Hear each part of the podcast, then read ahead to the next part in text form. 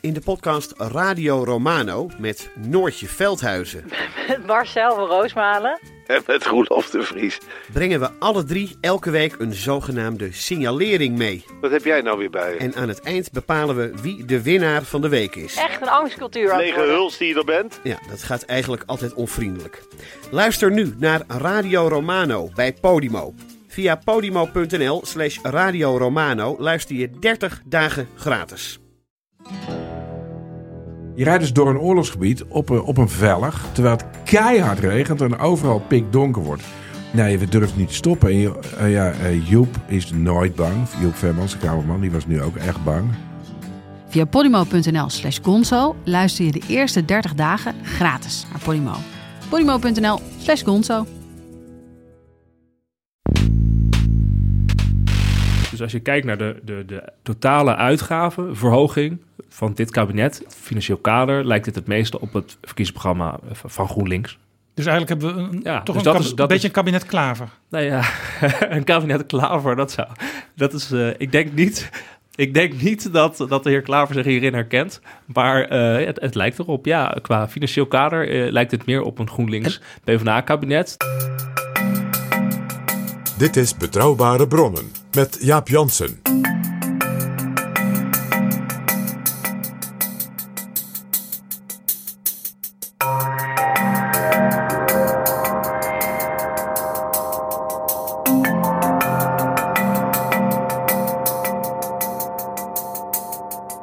Hallo, welkom in Betrouwbare Bronnen, aflevering 241 en welkom ook PG. Dag Jaap. PG, voordat we onze gast verwelkomen, bedanken we onze nieuwe vrienden van de show. Luisteraars die met een donatie Betrouwbare Bronnen mede mogelijk maken. Welke vrienden, PG, kwamen er de afgelopen dagen bij? Ik ga de volgende mensen enorm bedanken. Dat zijn Simon, Johan, Frits, Joost, Albert, Peter en Koen. Hartelijk dank. Het- Het ontbreekt nog een beetje aan vrouwen. Dit keer, maar andere keren geweldige vrouwen erbij. Ja, Enna, die was al eerder eh, vriend van de show geworden. En zij zegt op Twitter: Wat is het toch fijn om mee te mogen luisteren als vriendin van de show. Als Jaap en PG praten over alles wat nu belangrijk is, mede in historisch perspectief. Heerlijk. Waarom was school vroeger nooit zo boeiend? Dat ligt dan toch echt aan die school waar zij zat. Dit is Betrouwbare Bronnen.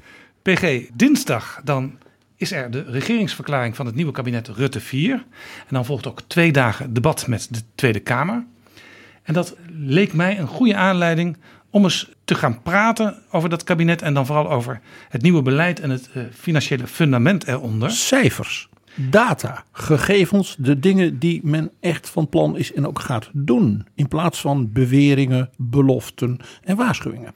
En voor de mensen die al langer luisteren en misschien ook vriend van de show zijn, eh, heb ik een eh, gast uitgenodigd die zij misschien al kennen. Dat is dokter Wimar Bolhuis. Sinds kort chief economist bij Ecoris. Een economisch adviesbureau dat volgens de eigen website de vragen van morgen vandaag beantwoordt. Welkom Wimar in Betrouwbare Bronnen. Hi, leuk om hier te zijn. U bent ook nog docent aan de Universiteit Leiden en u werkte onder meer bij de Sociaal-Economische Raad en als politiek assistent in Rutte 2 van staatssecretaris Jetta Kleinsma op sociale zaken. U kent dus het overheidsbeleid van alle kanten. Van alle kanten, ja, dat kan je zeggen. Nou, in ieder geval, eh, ik heb dus een tijd in de, in de politieke omgevingen gewerkt, eh, in de wetenschap en ook een tijdje net in, in de ambtenarij. Ik heb op het ministerie van Financiën ook gewerkt. Dus eh, ik probeer altijd meerdere invalshoeken te gebruiken op het moment dat ik hierover praat. En de departementale achtergrond Ja. is natuurlijk toch weer een andere dan de strikt politieke bij zo'n staatssecretaris. Mhm. En is ook weer heel anders dan zo'n polder denktankorganisatie als de SER. En is natuurlijk heel anders dan de Leidse Universiteit. Ja, klopt. Maar ze zijn wel allemaal heel erg leuk. En ze versterken elkaar. Hoe? Nou, ik denk dat je, ehm, dat je inderdaad in de wetenschap, denk ik, betere, af en toe gewoon betere vragen kan stellen, omdat je weet hoe het in de praktijk eh, eh, werkt.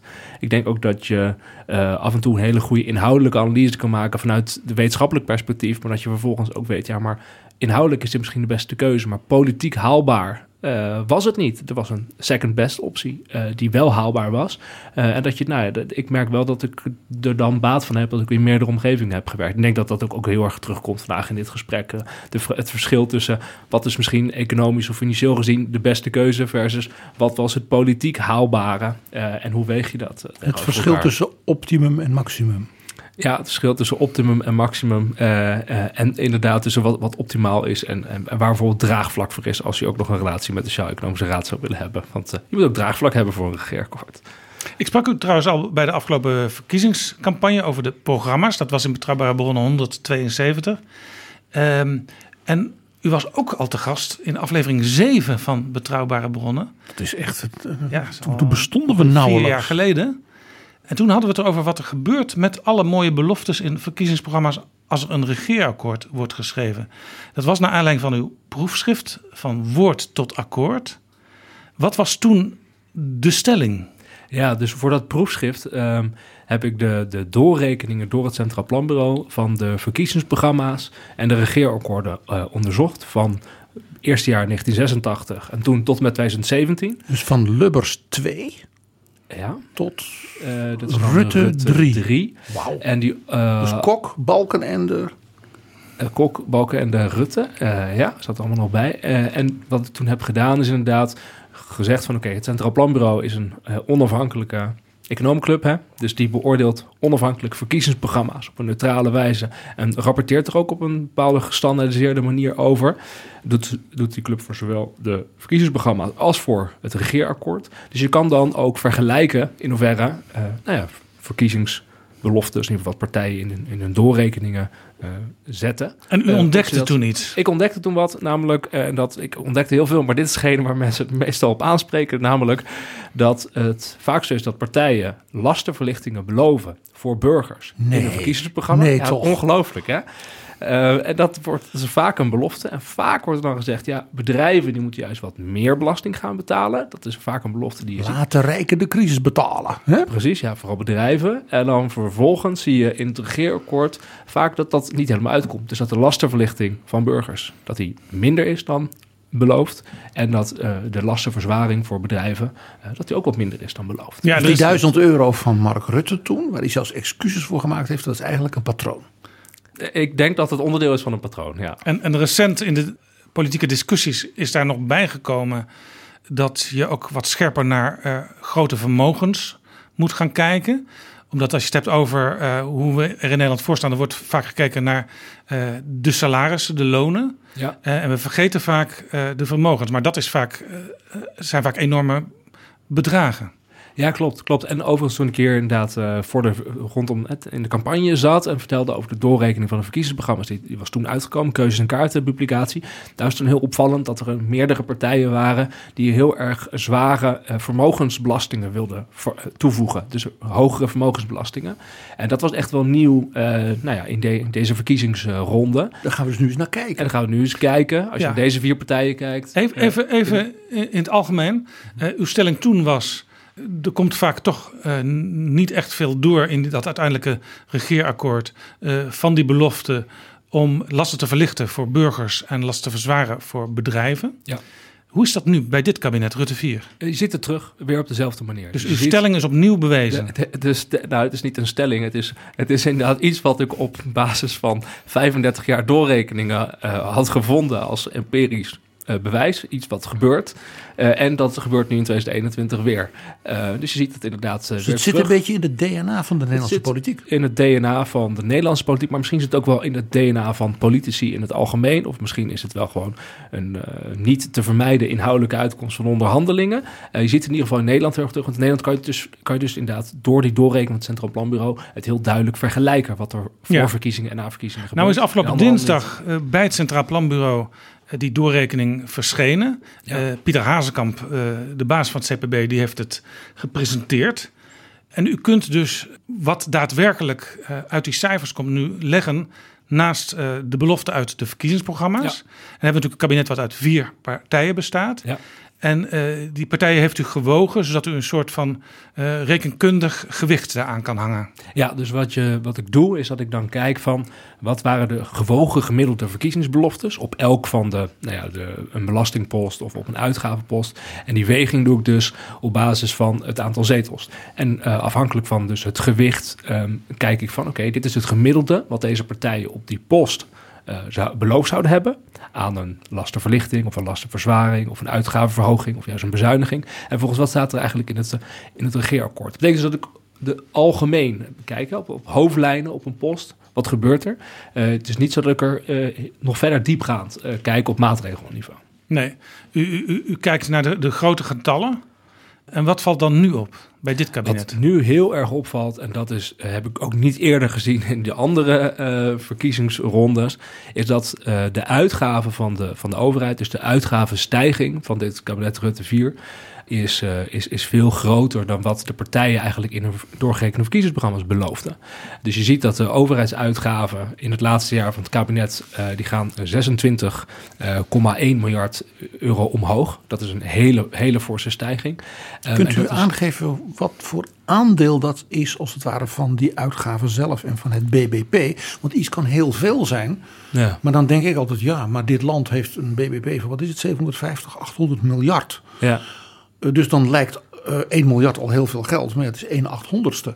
Dus het is misschien interessanter, niet zozeer Ja, met dat- bedrag, dat als hoeveel, Dus- hoeveel is het als aandeel van wat we met elkaar samen produceren, eh, verdienen. Ja, dus dan kom je uit op ongeveer eh 3% van het bruto binnenlands product. Dus een stimulering van 3% Ja. BBP. Ja, ongeveer eh grofweg dat. En als ik dus kijk overigens naar de eerdere eh, doorrekeningen, is dit de grootste stimulering ten opzichte van eh, het basispad hè, die, je- die ik eerder die, eh, dat ik heb gezien. Dit, dit is de grootste stimulering ooit, of expansie ooit van de, van de, van de overheidsuitgaven. Ja, Het is toch een soort, 1986. een soort tweede kabinet Den Uyl eigenlijk. Eh, ja, ik kan de, De de dromen NL die niet dan- vergelijken. Nee, maar- ik nee, weet maar de niet dromen die toen uitgaven waren, de- De, dromen die toen waren van Ja, het, Nou is in ieder ja. geval, het is in ieder geval heel duidelijk dat, dat, er, dus, eh, dat er dus inderdaad dat, dat de overheid groot wordt. En dat de overheid een rol neemt in de economie. En dat er extra uitgaven gedaan worden, extra investeringen gedaan worden. En wat mij dan vooral heel erg opvalt, is dat het dus duidelijk veel meer is dan, eh, dan dat bijvoorbeeld de ChristenUnie voorstellen. Want als ik dus kijk, de, Ja, de ChristenUnie had de, de meeste extra uitgaven. Dus de ChristenUnie stelde voor om... van de vier coalitie. Want er zijn ook andere partijen die nog veel meer Ja, eh, beloofden. Dus de ChristenUnie stelde voor om eh 16,1 miljard meer uit te geven in 2025 ten opzichte van het basisplan. Ja, ja dat, dat was het hoogste getal. En u zei toen al in Betrouwbare Bronnen 172... dat Joop den Uyl zich bij dat soort bedragen zeer thuis zou voelen. Ja, en het is dus niet 16,1 geworden, maar 26,1 miljard. Dat betekent dus dat het meer dan 60% meer is geworden dan wat ChristenUnie wilde. Ja. Dus wat je daar ziet, is dat de coalitie, om dus een regeerakkoord te maken, uiteindelijk uit is gekomen op een veel grotere expansie van de, van de Maar dat is, uitgaven. dat is, dat, hoe, hoe kan dat? Want ik herinner me nog uit de verkiezingscampagne... eh, dat als je naar de cijfers van, van de andere partijen kijkt... die nu niet in het kabinet zijn gekomen... eh, Partij van de Arbeid en GroenLinks... eh, die zaten op 33, respectievelijk 29 miljard Ja. extra. Dat zit eigenlijk heel dicht bij die 26 ja, dus dat miljard is, van dit dat kabinet. is het, het, het opmerkelijke. Als je En- kijkt naar de en, die partijen die werden bijvoorbeeld door, door Wopke Hoekstra van het CDA werd verweten. Ja, dat zijn zulke exorbitante extra uitgaven. Dat lijkt me heel moeilijk om daar op deze basis mee samen te werken, Ja. zei hij. Precies. Dus als je kijkt naar de, de, de totale uitgavenverhoging van dit kabinet, lijkt dat het meeste. Kijk, is niet onderliggend wat, waar het uit bestaat, maar qua het financieel kader lijkt dit het meeste op het verkiezingsprogramma wat doorgerekend is door, eh, van GroenLinks. Dus eigenlijk hebben we een, Ja, toch dus een, is- beetje is- een kabinet klaver. Nou ja, een kabinet Klaver, dat zou. Dat is, eh, ik denk niet. Ik denk niet dat, dat de heer Klaver zich hierin herkent. Maar eh, het, het lijkt erop. Ja, qua financieel kader eh, lijkt het meer op een GroenLinks PvdA-kabinet. Tenminste, dat zouden we op 1 maart jongsleden met elkaar gezegd hebben. Als dit kabinet uitkomt, dan lijkt het op een GroenLinks PvdA-kabinet. Ja, dus, al, dus een interessante, interessante denkexercitie. Stel je zou de ho- deze hoofdlijnen. eh, zeg maar, bij het begin van de hete fase van de verkiezingscampagne van vorig jaar, op eind februari op tafel gelegd hebben van nou, Ja. dit zou er toch wel eens ongeveer over een jaar kunnen liggen. Ja. Dan had u gezegd als kenner en econoom, nou dat is- ziet er niet onaardig uit. En dat is een, een kabinet eh, Ploemen, een kabinet met Klaver en dan mag misschien het CDA en eh, D66 ook nog een beetje meedoen. Ja, en wat, wat hier dus opmerkelijk is, is dat in eh, mijn onderzoek zie je altijd al dat eh, de overheidsuitgaven in een coalitieakkoord dat die wat hoger zijn dan wat je zou verwachten op basis van verkiezingsprogramma's. En het is een, eh, ook logisch hè, dat als je gaat onderhandelen met elkaar, dat het toch lastig is om van elkaar bezuinigingen over te nemen. Nou, en het is toch wel makkelijk om tegen elkaar te zeggen van oké, hebben we allemaal uitgavenwensen. Laten we dan maar ja er tegen zeggen. Dus Als ziet- jij dat wil, Als jij, jij- wil dat, Precies. dat leenstelsel wordt afgeschaft, dan wil ik extra geld voor defensie, maar dan moet er ook wel wat extra nog voor stikstof en milieu. Ja, precies dat. En dat zie je in al die, eh, in elke kabinetsformatie zie je dat terug. Dat Want dat de is uitgaven ietsje Mensen hoger die met elkaar onderhandelen en dan gebeuren die dingen. Zou je, zou je misschien kunnen zeggen dat de vier partijen elkaar op deze manier gekocht hebben? Ja, 100%. Dat kan je op deze manier eh, zeggen, denk ik. Want ik denk dat, kijk, als je een budgetair kader maakt... wat zoveel groter is dan wat je in je eigen verkiezingsprogramma hebt eh, staan...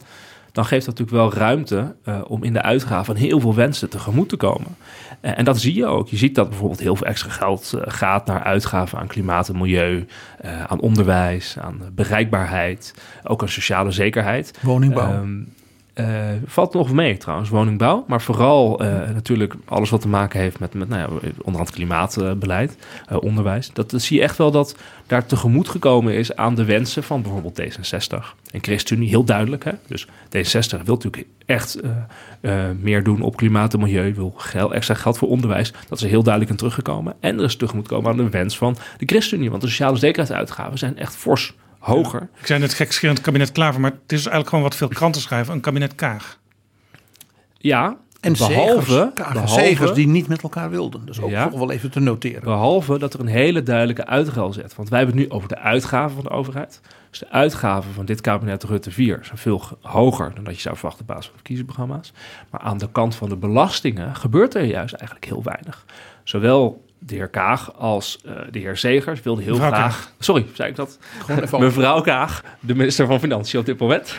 eh, en de heer Zegers, die, ehm, ehm, die wilden ook graag eh, veel hogere belastingen op eh, vermogen. En op winst.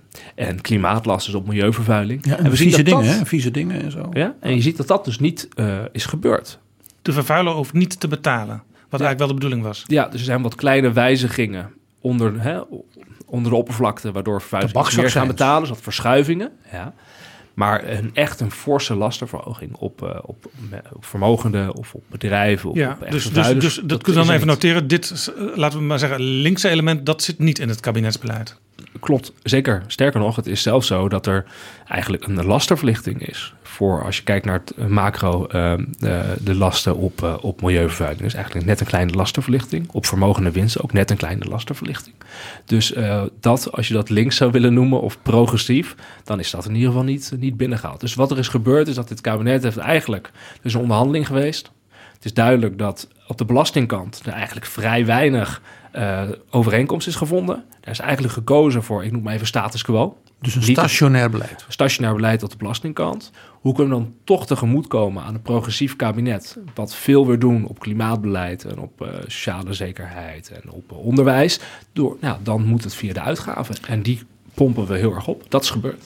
Interessant in de analyse van het Centraal Planbureau daarbij is dat ze zeggen daar waar naar de lasten van burgers met name ook wordt gekeken, is het effect gunstig voor de lagere inkomens, de impact door met name ook het minimumloon. Ja. En is dus de ongelijkheid in zeg maar, de inkomensverhouding in Nederland verkleind.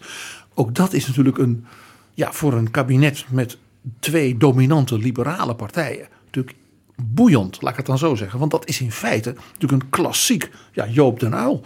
eh, hè?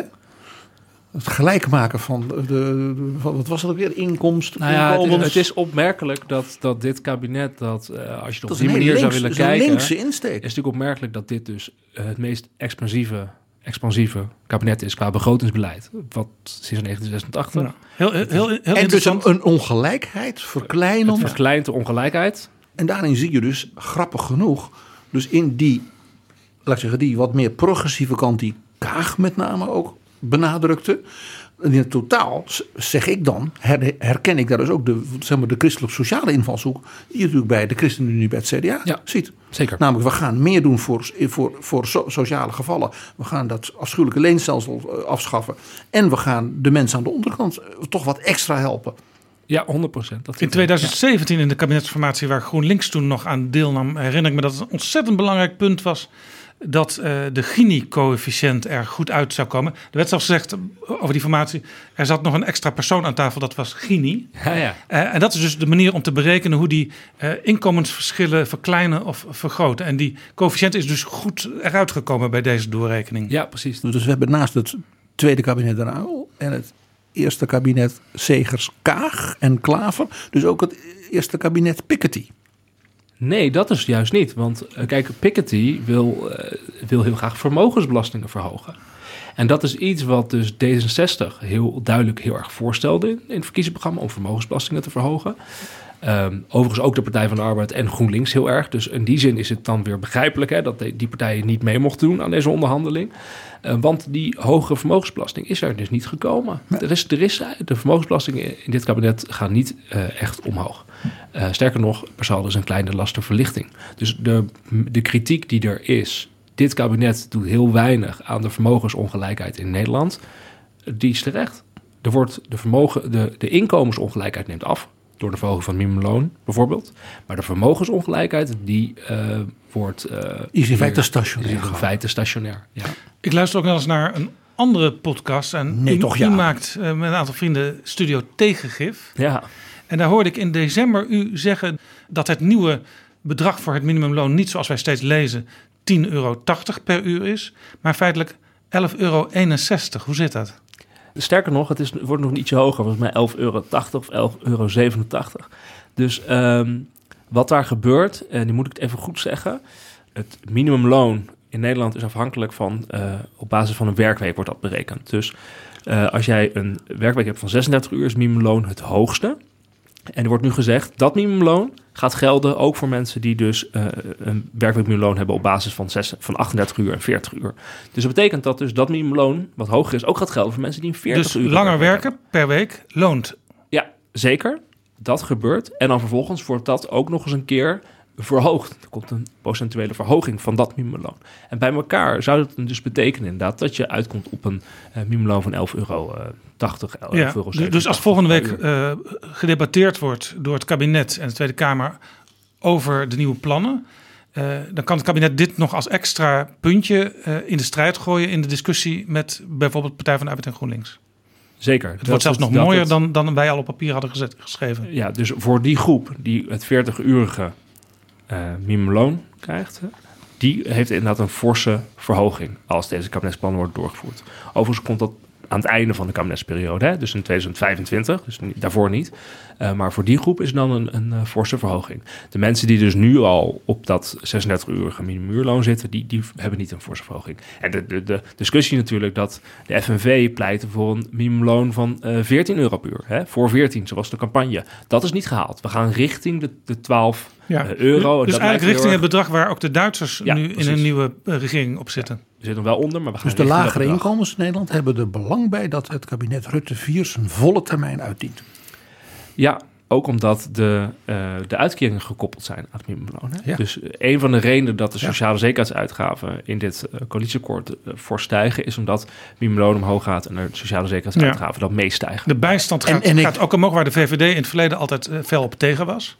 Dat die koppeling er zou zijn? Ja, die koppeling die blijft in stand. Ja. En ik durf de voorspelling aan dat ook die koppeling met de AOW er nog wel gaat komen. Ja, dat is het interessante. Dus ja, alleen dat, de dat koppeling... is het punt van, van de oppositie. Hè? Ja. De ouderen in Nederland, ja, die, die blijven nou, de, oppo de, oppositie heeft elke week een ander groot punt, zeg ik wat ondeugend. Eerst hadden we de zorg waarop verschrikkelijk op werd bezuinigd. En nu is, in, is het de koppeling van de AOW. En wie weet wat het volgende week is. Misschien meer, nog veel meer maar voor dat defensie. Is wel, historisch gezien wel opmerkelijk. Want Zeker. ik herinner me echt uit alle verkiezingscampagnes die ik heb meegemaakt dat zodra iemand maar een, een soort neiging leek te vertonen van morrelen aan de AOW, dan kreeg hij uh, volledig uh, als een trekker thuis. Ik kan mij een partijvoorzitter van het CDA herinneren die in de verkiezingscampagne moest opstappen, Wim van Velzen, omdat de indruk was gewekt bij de presentatie van het verkiezingsprogramma 1994 dat de AOW zou worden bevroren. Ja.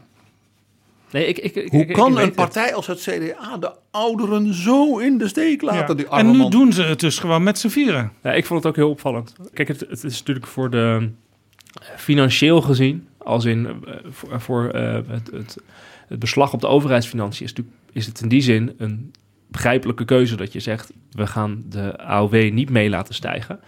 Maar politiek maar, gezien, maar de bijstand of wel. maatschappelijk gezien, is dit, is dit lastig uit te leggen. Omdat zeker op hetzelfde moment de bijstand en allemaal uh, wel meestijgen. Ja, het Centraal Planbureau zegt ook in de doorrekening... Uh, als je de bijstand uh, mee laat stijgen, dan is dat slecht voor de werkgelegenheid.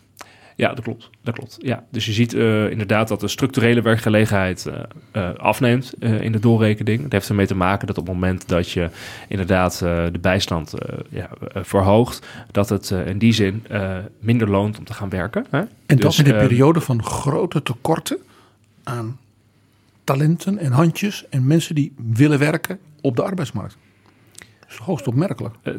Uh, ja, nou, het is, kijk, het, in die zin is het, het gaat om de structurele werkgelegenheid. Dus op de lange termijn inderdaad leidt het tot een minder toename van het, van het arbeidsaanbod. Hetgeen bij een vergrijzing ja. natuurlijk uh, een, ja, eigenlijk een, een, contraproductieve uh, benadering is. Het is natuurlijk de, de balans die je is een, een, gewoon een politieke keuze. De balans die je kiest tussen arbeidsparticipatie. Wil je dat stimuleren, dat mensen zich aanbieden op de arbeidsmarkt? Uh, of wil je een bepaalde inkomenszekerheid, een bepaald inkomensniveau garanderen? Ja, dan moet je kiezen. Hè? Dus uh, dat is de keuze Politiek die voor ligt. kiezen. Ja. Nou hebben we geconcludeerd dat er 26 miljard extra wordt uitgegeven. Hoe kan dat? Want we zijn toch eigenlijk... En dat was dus 3% stimulering ja, BBP. Ja, jij zegt het is heel klein, maar PG... Nee, nee 3% is, is uh, aanzienlijk. Oké, okay, maar, dat, is, maar dat het is, vastgesteld. Maar het is niet uh, exorbitant en explosief en wat Maar toch zijn we allemaal opgevoed, uh, hoe je verder ook politiek in het leven staat, maar gewoon door al die kabinetten achter elkaar te zien, ook de, de, de afgelopen kabinetten. Wees nou voorzichtig met extra uitgeven, want je krijgt het ooit terug en dan moet je weer heel hard gaan bezuinigen. Hoe, hoe kan dit? Ja, er is een wel een, eh, een soort omslag in het denken uh, geweest. Dat is overduidelijk. Door als je zeg maar de, de, de, financiële uitgangspunten van het kabinet Rutte 1 en 2 aanlegt tegen het kabinet Rutte 4, ja, het is kabinet wel heel opmerkelijk. Het kabinet Rutte 2 met de Partij van de Arbeid is een knijterrechts kabinet. Met Dijsselbloem en dergelijke. En uw vriendin Kleinsma. Als je die legt naast uh, dit kabinet. Ja, het budgetair kader was dat heel anders. Begrotingsbeleid was heel erg anders. Dus dat, is heel opmerkelijk om te zien. Het, het, het, het, is in ieder geval bepaalde lenigheid, laat maar zo uh, zeggen. Um, dus je ziet dat daar een verandering is. Kijk, het is, voor mij niet op. Ik wist wel dat dit uh, coalitieakkoord dat het best wel expansief zou zijn. Dat er veel geld uitgegeven zou worden. Waarom? Omdat je zag dat de vooruitzichten voor de economie uh, beter werden. Je zag gewoon dat toen de verkiezingsprogramma's werden doorgerekend, toen was er een bepaalde voorspelling voor wat gaat de schuld doen van de, de staatsschuld, wat gaat het tekort doen. Um, en je zag eigenlijk dat die vooruitzichten verbeterden en verbeterden ten opzichte van nu de formatieperiode. Dus in die zin is het een zegen geweest dat de formatie zo lang geduurd heeft. De cijfers zijn eigenlijk steeds beter geworden. De, de overheidsfinanciën zijn steeds iets beter geworden. In ieder geval voor het tekort en de schuld. En je, uh, dat zag ik ook in mijn proefschriftonderzoek. Dat, dat eigenlijk op het moment dat die vooruitzichten verbeteren dan doen politici eigenlijk al hetzelfde. Die gaan die vooruitzichten gebruiken om extra geld uit te geven of om lasten te verlichten. Overigens precies hetzelfde als het verslechtert. Hè? Dan uh, is het omgekeerde effect. Dus je wist al van, hm, dit zal waarschijnlijk wel, uh, dus waarschijnlijk meer uitgegeven gaan worden dan ja. in de verkiezingsprogramma's dus, werd beloofd. Dus, dus, het zegenrijk financieel beleid van Wopke Hoekstra tijdens Rutte 3 ja. heeft dus de, door die lange formatie na Rutte 3 ertoe geleid dat in Rutte 4 men de perspectieven steeds optimistischer kon gaan invullen. Nou, ik weet niet of dat door het zeggen. Het is vooral dat de economie zich veel beter ontwikkelt dan voorspeld. Ik weet niet of het per se komt door het financieel beleid van de Hoekstra. Je, je, weet dat ministers dat doen. Je begrijpt dat ministers dat doen. Ja. Dan mag ik nog een tweede punt, want dat is mij ook heel erg opgevallen. De lijn van dat kabinet Rutte 3. Ja. Europees. Hè, met de Chopin-biografie van Rutte. Eh, met de Frugals onder leiding en de, de, de Hanse-liga onder leiding van Hoekstra dat die lijn eigenlijk in dit akkoord is uh, losgelaten. Ja. In de zin van dat men een, een, een invalshoek heeft gekozen rondom expansie, inclusief, maar daar gaan we het zeker nog over hebben, die grote investeringsfondsen. Ja. Die natuurlijk aan niet zo doen denken als aan de voorstellen natuurlijk van Ursula von der Leyen. Aan voor het Europees uh, herstel. Mm -hmm. En ook het regeerakkoord van uh, Olaf Scholz en ja. Habeck nou ja, en Lindner. Olaf Scholz heeft zelfs, kun je zelfs zien als de architect van het Europees herstelfonds. Het was ja. oorspronkelijk zijn idee. Die was, die was ook consistent. En tegen dat fonds heeft Nederland zich heel lang exact. verzet bij monden van Bob Hoekstra exact. en Mark Rutte. Exact. Ja, dus wat er in dit regeerakkoord gebeurt, en dat is, het is echt dus heel Europees. Het is heel Europees Ook kun je in dat zeggen. opzicht. Maar het is wel een hele duidelijke omslag, omdat dit kabinet echt zegt van we hebben structureel meer investeringsruimte nodig als we grote transities willen uh, uh, te lijf willen gaan. Ja, dus we willen dat, inderdaad dat, het dat klimaat... is natuurlijk even het punt wat we ook even moeten markeren. Er zijn een aantal hele grote transities. Noem maar uh, de, de klimaataanpassing. Ja.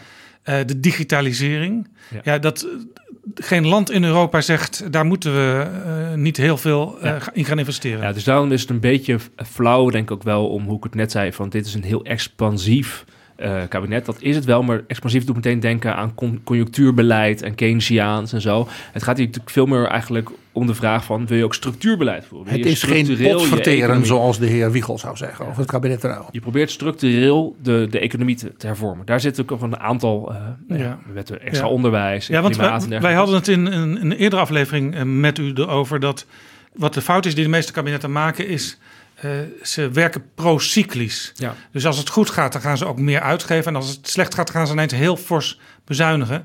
En als je iets moet doen, dan is het eigenlijk allebei die dingen niet. Ja. Je- Maar, maar zo sterk zijn politici vaak niet dat ze dat Ja. aandurven, ook naar hun kiezers, om juist eh, een beetje tegen de, de stroom in te gaan. Ja. ja, precies. Nou, als je nu kijkt naar de, naar de stand van de werkloosheid, die natuurlijk heel erg laag is. Dus er is gewoon de arbeidsmarkt heel erg krap. Dan is natuurlijk de vraag van als je zulke bedragen uit kan geven, dan ben je waarschijnlijk toch wel, eh, ook al zitten we in een coronacrisis, bent in ieder geval ja, pro-cyclisch eh, eh, bezig. En de vraag is ook, het zegt het Centraal Planbureau ook in een doorrekening van, ga je de arbeidskrachten wel vinden om al deze plannen uit, te- uit te voeren? Eh, dus zij ge- zeggen ook ah, ja, dat bijvoorbeeld uitgaven aan defensie, eh, dat is gewoon lastig om defensiepersoneel te vinden. Of de extra uitgaven voor infrastructuur. Het is heel lastig om die mensen te, te, te vinden. Dus het Centraal Planbureau zegt ook, ja, dat geld dat ga je niet uit kunnen geven, want Ja. de arbeidscapaciteit is gewoon niet Een voorbeeld, eh, Pieter Moerman van Wij zijn Katapult. Die was te gast in Betrouwbare Bronnen 216. Ik heb hem eh, vandaag nog even eh, gebeld. En die heeft het nieuwe cijfer van het aantal arbeidsplaatsen in de, de techniek. Ja. eh, wat nu eigenlijk er, er zou moeten zijn, extra, en wat we niet hebben. En wat, wat dus die katapultcenters proberen allemaal op te leiden in mbo en hbo. Ja. Dat gaat nu om 105.000 mensen, waarvan 24.000 ICT'ers. Ja. Dat is een enorm getal. Olaf van der Gaag, die was bij ons over de energietransitie. En die, dat was denk ik in, eh, vlak voor de verkiezingen. Ja. En die zei toen, nou alleen al voor zeg maar, de uitvoering van het ener- energieakkoord. eh, Ten aanzien van transitiemaatregelen in woonwijken en dergelijke. Kunnen we nu al zo 9000 mensen extra meteen aan het werk hebben. Nee, ja, eh, Dus niet van die moeten we hebben de komende jaren nodig. En die kunnen we nu zo meteen aan het werk hebben. Ja, precies. Nou ja, ik, ik werk bij hebt net verteld dat wij doen dus onderzoek.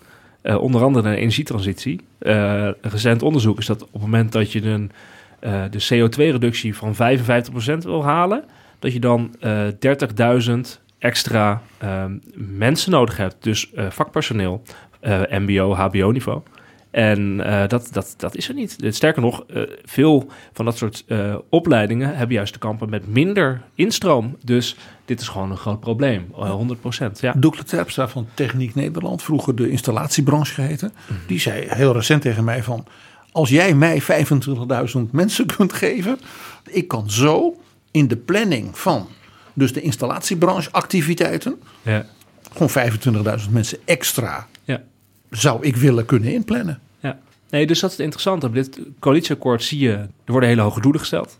Dat is op zichzelf natuurlijk ambitieus en goed en mooi. Er wordt heel veel geld beschikbaar gesteld. Want Er dat wordt kan. dus, dus geen belastingbeleid gevoerd, bijna niet. Eh, Heel beperkt, geen belastingen. Dus als economen zou je zeggen... hey, klimaatdoelen kan je wellicht beter bereiken met klimaatbelastingen, milieubelastingen. Dat is een effectievere of een efficiëntere eh, maatregel. Daar kiest het kabinet niet voor. Die kiest vooral voor uitgaven. Ehm, en dat wordt heel duidelijk beschikbaar gesteld. Dus er zijn hoge doelen, er is veel geld beschikbaar. Maar de vraag is volgens, ja, kan je het ook uitvoeren? Eh, is de, is de, is het, eh, het menselijk kapitaal aanwezig om, om dit te doen? Ja. Dat is natuurlijk een hele, hele grote vraag. En dat is natuurlijk ook een, niet alleen een Nederlands probleem, maar eh, ook in Europa. Want misschien zou je kunnen zeggen, nou ja, dan halen we mensen uit andere landen na- naar Nederland. Maar ja, overal in Europa hebben ze natuurlijk dit probleem. Ja, klopt. En overal willen ze naar eh, v- Ja. eh, 55% CO2-reductie. Ja, precies. Nee, ik, heb, eh, ik eh, schrijf columns voor eh, RTL Nieuws. De meest recente column ging er ook over van... ja, wat de, de olifant in de kamer hier van het regeerakkoord is... wie gaat dit uitvoeren? Dus mijn advies aan de minister van... eh, is het nu energie en klimaat? Hè?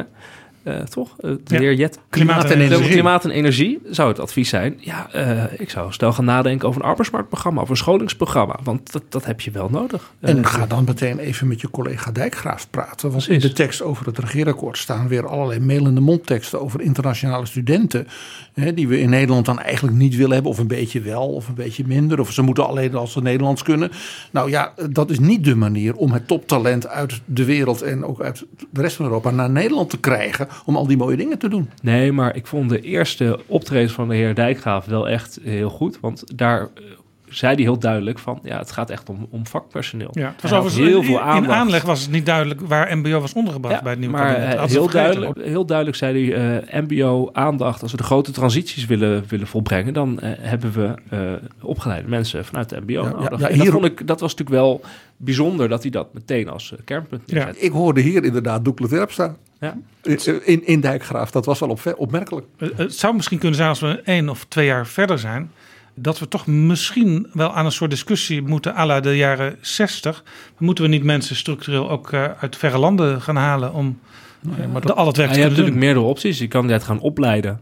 Eh, je kan mensen gaan omscholen. Ehm, eh, Maar ja, je mensen gaan omscholen. Je kan Omscholen, dan moet je wel opleiden. genoeg, genoeg werklozen hebben die daar potentieel voor gekwalificeerd zijn. En die zijn er ook niet. Die Ja, precies. er wel, want er zijn ook hele delen van de economie waardoor allerlei ontwikkelingen, inclusief digitalisering, er grote veranderingen zijn in de structuur van de arbeidsmarkt. Dat is waar Ja, het rapport ja, dus ook op wijst. bijgeschoold en omgeschoold En worden. dat betekent dus dat je als het ware een plan zou moeten hebben. En dat zit niet in het coalitieakkoord. maar er moeten dan de wel mensen zijn die nu werk doen wat straks niet meer nodig is. Juist, en dat je dus die, die transitie in die arbeidsmarkt met die mensen samen nu al begint. Dat als jij zegt van in die sector gaan er dingen enorm veranderen, waardoor werk wat er nu is over vijf of tien jaar niet meer is. Ga met die mensen samen, zoals dat heet, van werk naar werk. In Ja. plaats van, nou, we laten ze eerst eh, allemaal werkloos worden. Dan gaat de UWV ineens allemaal crash programs beginnen. Daar zou je dus een veel beter, lange termijn, hè, leven lang ontwikkelen Ja. beleid op moeten Ja, zetten. wat in ieder geval ook moet gebeuren, denk ik, is dat mensen meer uren per week gaan werken. Dat kan helpen dat eh, kinderopvang eh, tussen aanhalingstekens gratis wordt. Nou ja, we weten dat het lerarentekort in Nederland in hoge mate een fictief tekort is. Als de mensen die in het onderwijs werken ietsje meer per week bereid zouden zijn minder te deeltijden, om maar zo te zeggen. Dan Ja. was er geen leraar. We moeten dus iets minder relaxed in het leven gaan staan eigenlijk. En, eh, Niet op vrijdag vrij willen hebben. Het Calvinisme moet in dit land terug, Jaap, dat weet je. Ora et labora. Nou ja, er zijn natuurlijk meerdere manieren. Dus inderdaad, eh, je kan eh, Maar nadenken dus ook, over ook opleidingen. internationalisering. Internationalisering Ja, nou- van de topopleidingen in Nederland is hiervoor essentieel. En daar dus negatief over Nee, doen maar- is heel onverstandig. Eh, uiteindelijk gaat het om, om arbeidsaanbod, vakpersoneel op mbo-niveau. En ehm, je, kan, eh, dat, je kan dus jonge mensen opleiden. Dat is natuurlijk een optie. Je kan mensen herscholen die nu in een andere sector werken om dit te gaan doen. Je kan mensen die nu eh, geen baan hebben natuurlijk gaan opleiden. Of een vierde optie is arbeidsmigratie. Dat zijn eigenlijk de, de opties eh, die, die je hebt. Hè? Eh, ja, daar zal een, een programma op moeten komen om dit allemaal voor elkaar te krijgen. En een integraal programma. Ja. In plaats van de losse silo's ja. die we nu hebben. Het feit dat wij bijvoorbeeld mensen die hier komen, statushouders en dergelijke, dat die dus ja, nou ja, opgesloten worden, om maar even onaardig te zeggen. Ja. In plaats van dat je zegt van laten we met jou kijken wat jouw toekomstperspectief is, inclusief werk, samenleving en taal. Ja. Nou, dat lijkt mij een, een prachtige uitdaging voor de Nou, nieuwe nou minister van we- nou Participatie en Armoede. Een, een staatssecretaris van Migratie gekregen, Erik van den Burg van de VVD. Die al eens een keer gezegd heeft, eh, laat ze maar komen, al die migranten. Echt- echt VVD geluid. Dus misschien moeten we hier wel een, een, een ommezwaai ook bij de VVD markeren. Eh, dat de VVD blijkbaar bereid is om niet meer af en toe aan PVV-corvée te doen. En ja, hier niks van wil weten. Eh, maar ook de VVD heeft natuurlijk ook een grote achterban in het bedrijfsleven. Die ziet, ja, we hebben wel al die mensen straks nodig om Nederland eh, moderner te maken en meer acceleratie te geven. Mag ik nog een ander punt noemen, Jaap? Jij wees mij daar heel recent op, deze dagen, dat er vanuit de wereld van de bouw, aannemers en dergelijke, werd gezegd: wat mooi dat eh, minister De Jonge hè, enorm zijn best gaat doen en huizen gaat bouwen. Ja, dat zag ik op RTL Nieuws. Die hadden een Als- eh, hele mooie reportage. Wanneer je, wanneer, wat was het ook alweer? Want als je je nu meldt. Daar was iemand dan die zei, gebeurt. als ik nu een eh, nieuw gebouw wil neerzetten, Of woningen. Of, dan meld ik me bij de aannemer en die zegt dan, eh, ik kom in september 2023 kijken wat u allemaal precies wilt. Ja. Want dan heb ik pas tijd. Ja. Dus dat is dan voor het opmaken van een eerste bestek.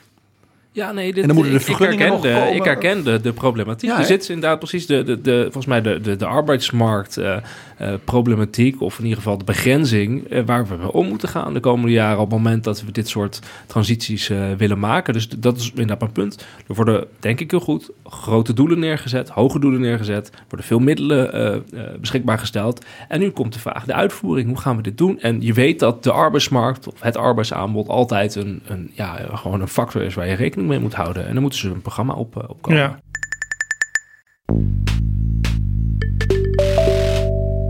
Dit is Betrouwbare Bronnen. Een podcast met betrouwbare bronnen.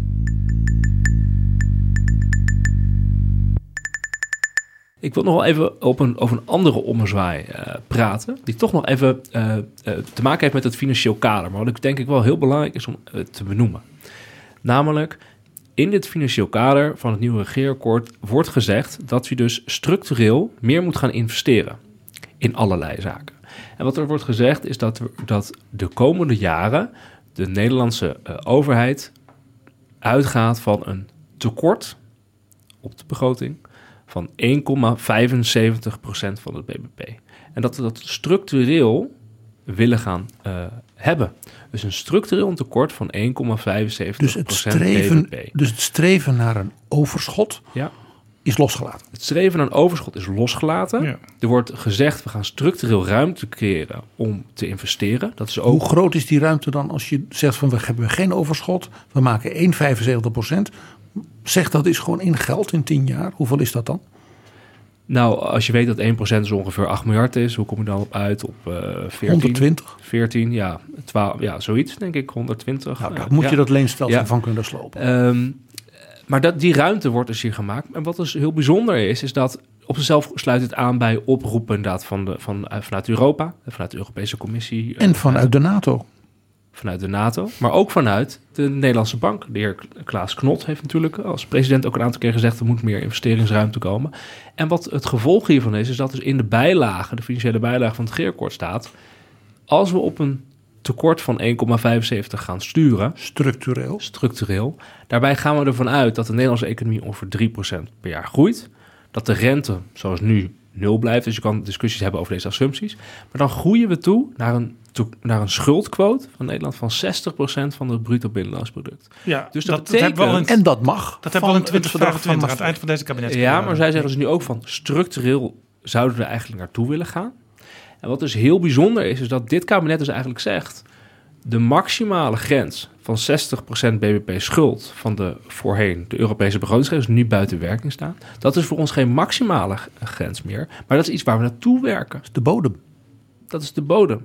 En dat is echt, echt wel eh, heel Dat nieuw. We hebben weinig aandacht gekregen, maar Zo is het is- door Theo Weigel en Wim Kok in het verdrag van Maastricht in de, in de tafel over de financiën, ja, bij de toekomst van de politieke en monetaire unie, niet afgesproken. Die Nee. 60 was bedoeld als absolute bovengrens voor bijvoorbeeld Italië hè, en dergelijke. En de 3% eh, eh, begrotingstekort was ook bedoeld als bovengrens. En het is interessant dat we nu zeggen, die 60 dat is een soort streefdoel. Als we, Ja. daar, als we het daarop kunnen houden, is dat mooi. Ja, precies. Dus op lange termijn is dat nu een streefdoel geworden. Want En dat levert dus- dus heel veel investeringsruimte. Ja, En dat levert dus in een decennium zo'n 120 miljard aan investeringsruimte. Ik- voor ik een volgende eens- kabinet erop. Ik heb ook wel eens een, een politieke leider, maar dat was in de wandelgang, horen zeggen: ja, die, die, die regels, die, die strenge regels die we in Europa hebben afgesproken. Eh, Nederland zou daar eigenlijk wel, omdat we gewoon goed in ons jasje zitten, zou daarvan af kunnen wijken. Maar we moeten ook vooral handhaven om eh, landen als Italië, Spanje, Griekenland een goed voorbeeld te geven. Eh, maar nou ging in de praktijk gingen die landen. Dit is dus echt het klassieke oude vingertje van Nederland. Of het nou was in zedelijk moreel opzicht. Of naar de derde wereld met mensenrechten. En dus nu ook naar mensen als Draghi en Sanchez. Dat ze niet te veel geld uitgeven. Ja. ja, ja. En in de praktijk gingen die landen daar natuurlijk eh, steeds Tuurlijk. verder overheen. Eh, maar het is nog erger. De eerste die echt afweken, eh, dat waren Frankrijk en Duitsland zelf, toch, toch mede de architecten van dit, dit hele systeem. Nee, het was nog erger. De architecten van dat systeem, van de, ik noemde de Duitse minister Theo Weigel al. Dat was dus de, de minister van Financiën van de Beierse CSU onder Kool. En de Franse president was de socialist Mitterrand. En wie hebben daar binnen een paar jaar gezegd: ja, maar dan hoeven wij, wij zijn zo groot, dat kunnen we Europa gewoon opleggen als afwijken. Dat was de heer Chirac Ja. van de meer centrumrechts in Frankrijk en meneer Schreuder van rood en groen. Ja. En de, en de Nederlandse regering, eh, dat was toen de kabinet de Balkenende, die stonden gewoon voor in hun hemd. Want Nederland riep, we moeten ons daaraan houden, we moeten ons daaraan houden. Dat hebben we afgesproken met Kool en Mitterrand. Ja. En Delors met name ook. En, toen, en waarop, wat zeiden Chirac en Schreuder, hebben wij helemaal niks mee te maken. Ik denk dat nog maar ongeveer anderhalf jaar geleden eh, Nederland nog steeds vond dat we ons aan die bestaande regels Ja, dus moesten dat is het opmerkelijke. Vandaar, dit verklaart ook zeg maar de, de Dit is een aandacht. fundamentele dit verklaart- strategische wijziging van het Nederlands lange termijn beleid. Ja, en dit verklaart ook de Europese aandacht, of de aandacht in Europa voor dit regeerakkoord. Omdat mensen dus nu zien, eh, inderdaad, de zuidelijke landen die een aantal jaar geleden nog hadden over de, of vorig jaar, wanneer was dit? De Frugal Four en over. De vrekkige vier. Ja, die zien nu dat Nederland toch aan het eh, schuiven is met budgetair beleid. Ehm, en eh, op zichzelf is eh, sturen op een 60% staatsschuld is in Europees perspectief nog steeds aan de lage kant. Je staat in het linker rijtje, want gemiddeld is de Europese, eh, de, de schuld in de EU is 100% van de bruto binnenlands product. Dus je staat zeker nog in het linker rijtje. En het zogenaamd zo zuinige Duitsland zit ook nog fors boven Ja. die 60 van Nederland. Zeker. Alleen wat natuurlijk nu de discussie is, en dit is natuurlijk internationaal voor, het, voor de, de, de reputatie van Nederland, is natuurlijk nu dat zo'n doorrekening nu van het coalitieakkoord, wat zegt van hé, hey, er worden heel, heel veel extra incidenteel geld uitgegeven, maar eigenlijk is dat vooral structureel geld, zou het Centraal Planbureau zeggen.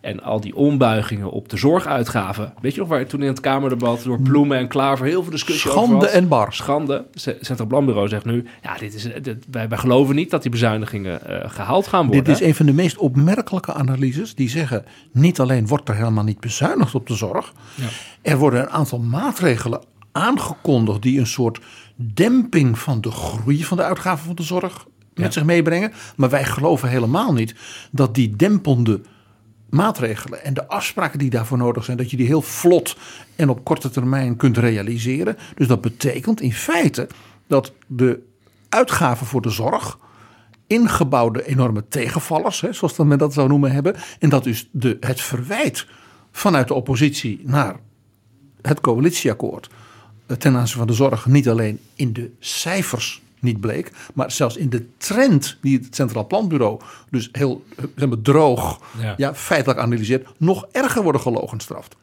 Dat Ja, het Centraal? Planbureau zegt natuurlijk, die zegt van, nou ja, er is eh, even naar hoofd volgens mij 2,9 miljard euro aan zorguitgaven, wat structureel niet afgebogen wordt. Het is een beetje technisch, maar Ja.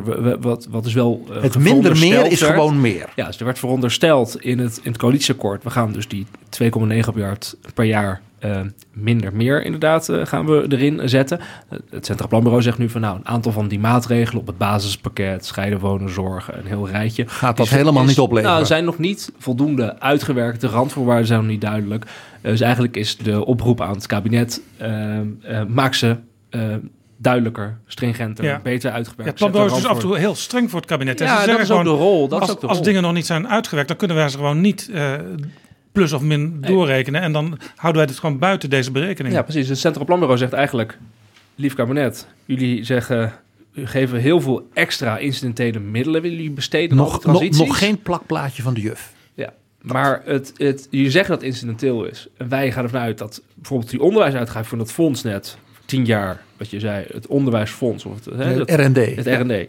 Dat fonds, gaat dat echt maar tien jaar er blijven? Of gaan we dan na tien jaar zeggen... nou, doen toch maar nog een keer tien jaar? Nee, of dat we hebben- stikstoffonds gaat het echt stoppen in We hebben, nu tien, jaar- 2035? we hebben nu tien jaar Dus- lang, dus voor een half miljard per jaar, Ja. de meest briljante jonge mensen uit de hele wereld die in Nederland Ja. de mooiste dingen doen. En dan na tien jaar zeggen we, nou, daar is het UWV. Ja, precies. Ga daar maar dat onderzoek is zitten doen. een goed voorbeeld. Ja, Ja. nee, maar de, en, en het Centraal Planbureau zegt dus, ja, jullie eh kabinet, jullie kunnen het wel als incidenteel inboeken, maar wij denken dat het structureel wordt. Plus de ombuiging op de zorg, die accepteren wij op deze manier nog niet. Wij, wij geloven niet dat dat er gaat Ja. komen. En dan kunnen jullie dus in het coalitieakkoord wel zeggen, jullie gaan sturen op een 60% staatsschuld met een tekort van 1,75. Maar wij zien dat het tekort niet 1,75 is, maar 3,1 procent. En dat is natuurlijk fors hoger. En dan structureel komt niet op 60% uit, maar dus op de 92% die nu al mythische vormen aanneemt. Ja, hè? Dus maar dat is dan wel als je over, rekent... Over die mythe wil ik het Over, nog nee, even daar kunnen, kunnen we nu wel even over hebben, PG. Ja, Want oké. eh, het Centraal Planbureau zegt dus in eh, 2060, dat is over een kleine 40 jaar, Ja. dan komen we op die 92 als, als we dit beleid op deze manier voortzetten en eh, heel veel uitgaven dus niet als eenmalig, maar als structureel beschouwen. ja, precies. En ik ben eens in de politieke geschiedenis gaan kijken naar de CPB-adviezen bij eerdere kabinetten. Het CPB-advies bij het kabinet Colijn in 1933 bevatte dus waarschuwingen van de impact van het beleid van Colijn voor het kabinet Den Uyl 40 jaar later van 1973. We, hadden, we hadden nog geen CPB, denk ik toen, maar nee. goed. En het Maar kabinet Schermerhorn in 1946 werd dus gewaarschuwd voor de impact van het beleid op, de, op het tweede kabinet Lubbers dat in 1986 aantrad. En het kabinet Lubbers van 1982 in een diepe crisis trad aan met hele forse bezuinigingen. Onno Ruding als minister van Financiën. Ja, nu En 40 werd- jaar geleden. En 40 jaar, hè, dus toen het CPB van toen waarschuwde voor de impact van dat beleid van Ruding en Deetman en de koning op de kabinetten Rutte 3 en 4. Je hoort een licht satirische inslag bij mij. Ja, ik denk dat dat ook wel terecht is. Hè? Dat, dat, want, want inderdaad, wat Ik is neem de dit waarde niet van heel de in 2060? Maar het is wel belangrijk, denk ik, dat een Centraal Planbureau eh, aan politici aangeeft van, eh, jullie zijn heel erg bezig geweest met de korte termijn, een coalitieakkoord maken, maar eh, kijk ook naar de lange termijn. En eh, op het moment dat we zo door zouden gaan, kan je op dit soort percentage uitkomen. Dus dat je als Centraal Planbureau, als onafhankelijk, eh, of onafhankelijk bureau tegen een politicus zegt, eh, we kijken ook naar de lange termijn. Dat vind ik op zichzelf Maar- wel heel belangrijk, want we weten dat, dat politici over het algemeen meer op de korte termijn gefocust mag je nou zijn. juist dit coalitieakkoord, nou, nou heel even neem ik het voor ze op. Ja. Dit coalitieakkoord, dat verwijt nou als eerste maken. Als je ziet dat ze bijvoorbeeld met die zo'n fonds als Ja. het Nationaal Groeifonds, het R&D-fonds, stikstof, klimaat. Dan kun je volgens zeggen, ik wil het graag over die fondsen hebben. Ja. Dat men juist wel gezegd, je kunt niet in één kabinetsperiode even die knoppen omzetten. Laten wij nou de ruimte die er is, ja, door de gunstige ontwikkeling, die we niet konden voorzien een jaar of anderhalf jaar geleden, benutten voor die lange termijn investeringsvisie. Ja. Dat zou het Centraal Planbureau ook voor kunnen prijzen.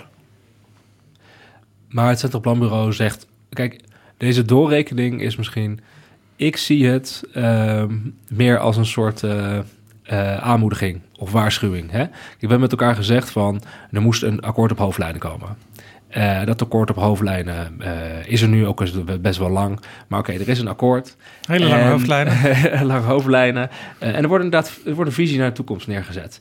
En we hadden met elkaar gezegd, ja, we gaan vervolgens het uitwerken, nieuwe bestuurscultuur, de regering samen met de Kamer. Dus de uitwerking volgt nog. Dan is het op zichzelf natuurlijk niet eh, vreemd dat je pas later een CPB-doorrekening hebt. Dat is in het verleden ook vaker voorgekomen, overigens, dat het Centraal Planbureau niet meteen het coalitieakkoord doorrekent, maar pas daarna. Al- ook Was alle bij- opwinding daarover was, was een beetje onzin. kabinet Kok, was, ook bij Balken is het later gebeurd. Ehm, maar het is wel zo dat je, dan, dat je dit dan kan zien als een, als een eh, waarschuwing, iets om rekening mee te houden. Dat je de uitwerking wel serieus, eh, ja, dat was natuurlijk in ieder geval van plan, hè, maar dat je dit echt serieus de hand moet nemen. Anders ga je dan- bijvoorbeeld je doelstelling op de zorguitgaven niet halen. Of de staatsschuld kan inderdaad gaan oplopen. Maar dan is het een waarschuwing ook dus aan de Kamer.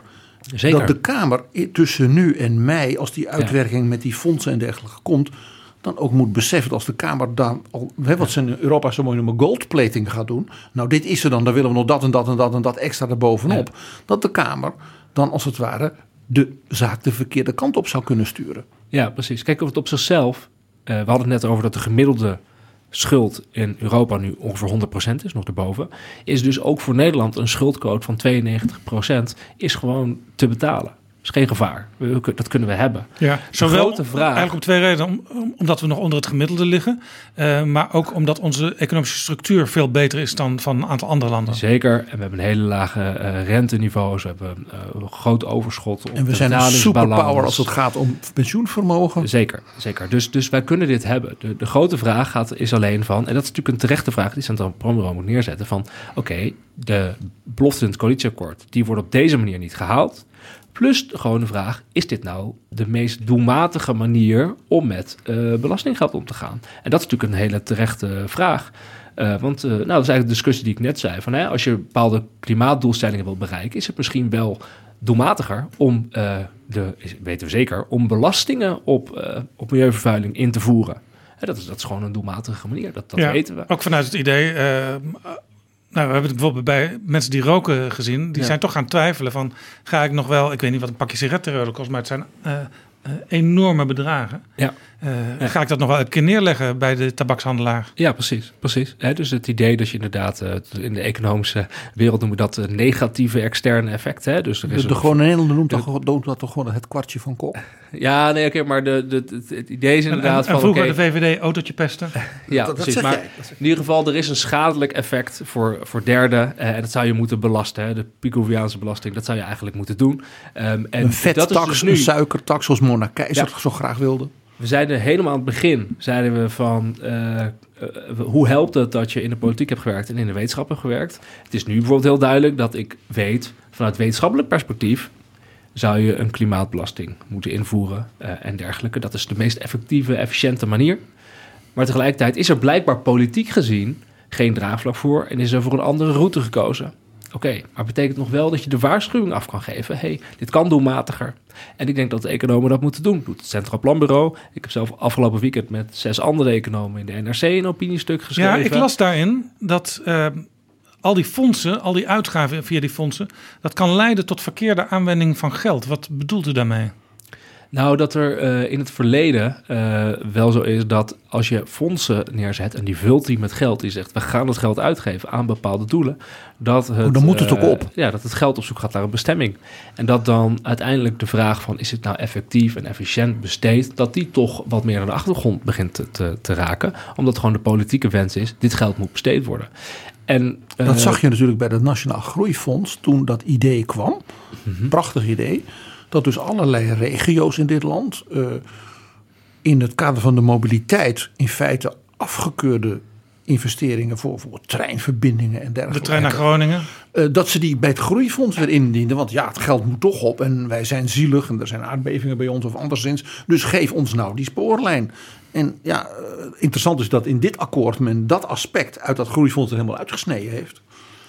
En dat in een mobiliteitsfonds Ja. eh, heeft Ja, geparkeerd. dus- maar dat geldt zodat dus dat wel- groeifonds echt Ja. alleen zich richt op Maar groeiversterking. dat geldt voor zo, bijvoorbeeld zo'n eh, lijn via ehm, Flevoland naar het noorden.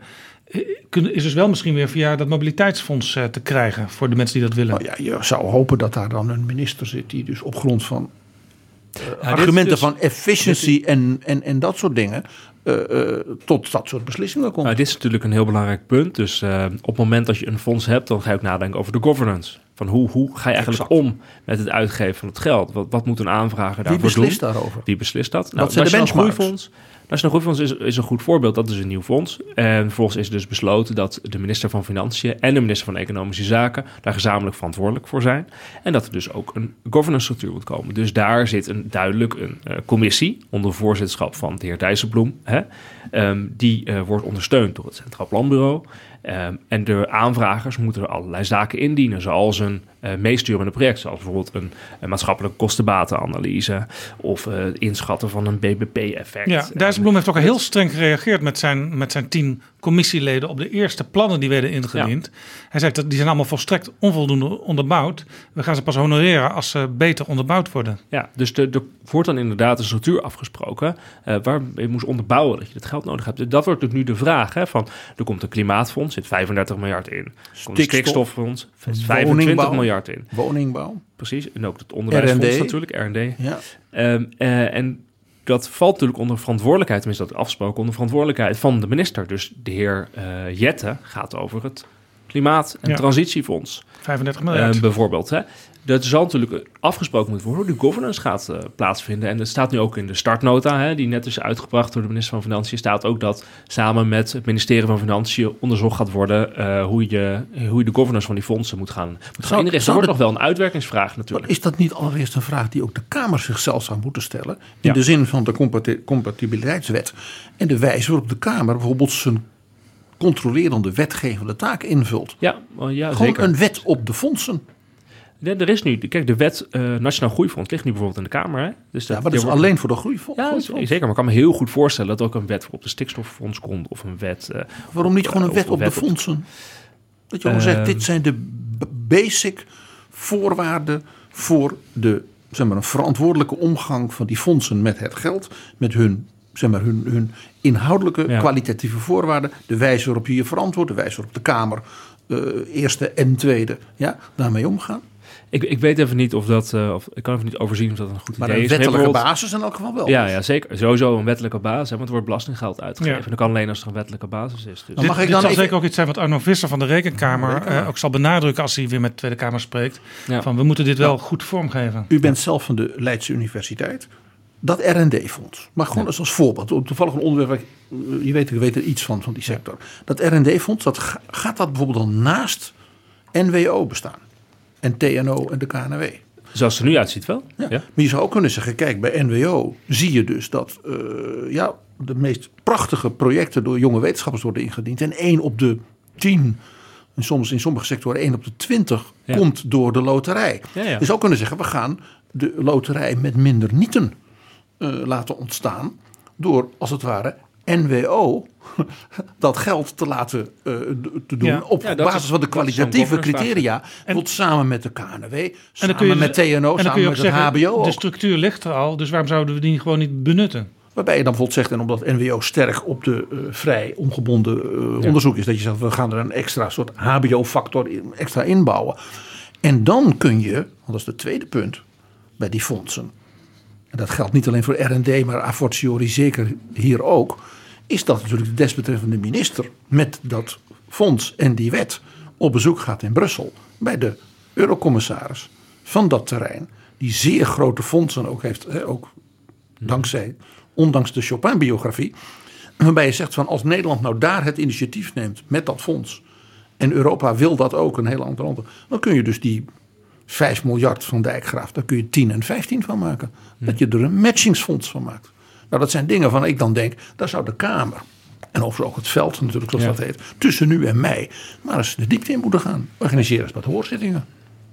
Ik, ik kan me niet anders voorstellen dan dat de Tweede Kamer hoorzittingen gaat organiseren over eh, hoe de governance van dit soort fondsen eh, moet, eh, moet gaan plaatsvinden. Want dat, dat lijkt me uitermate, uitermate Maar belangrijk. ik zou dus de eurocommissaris R&D Maria Gabriel uitnodigen.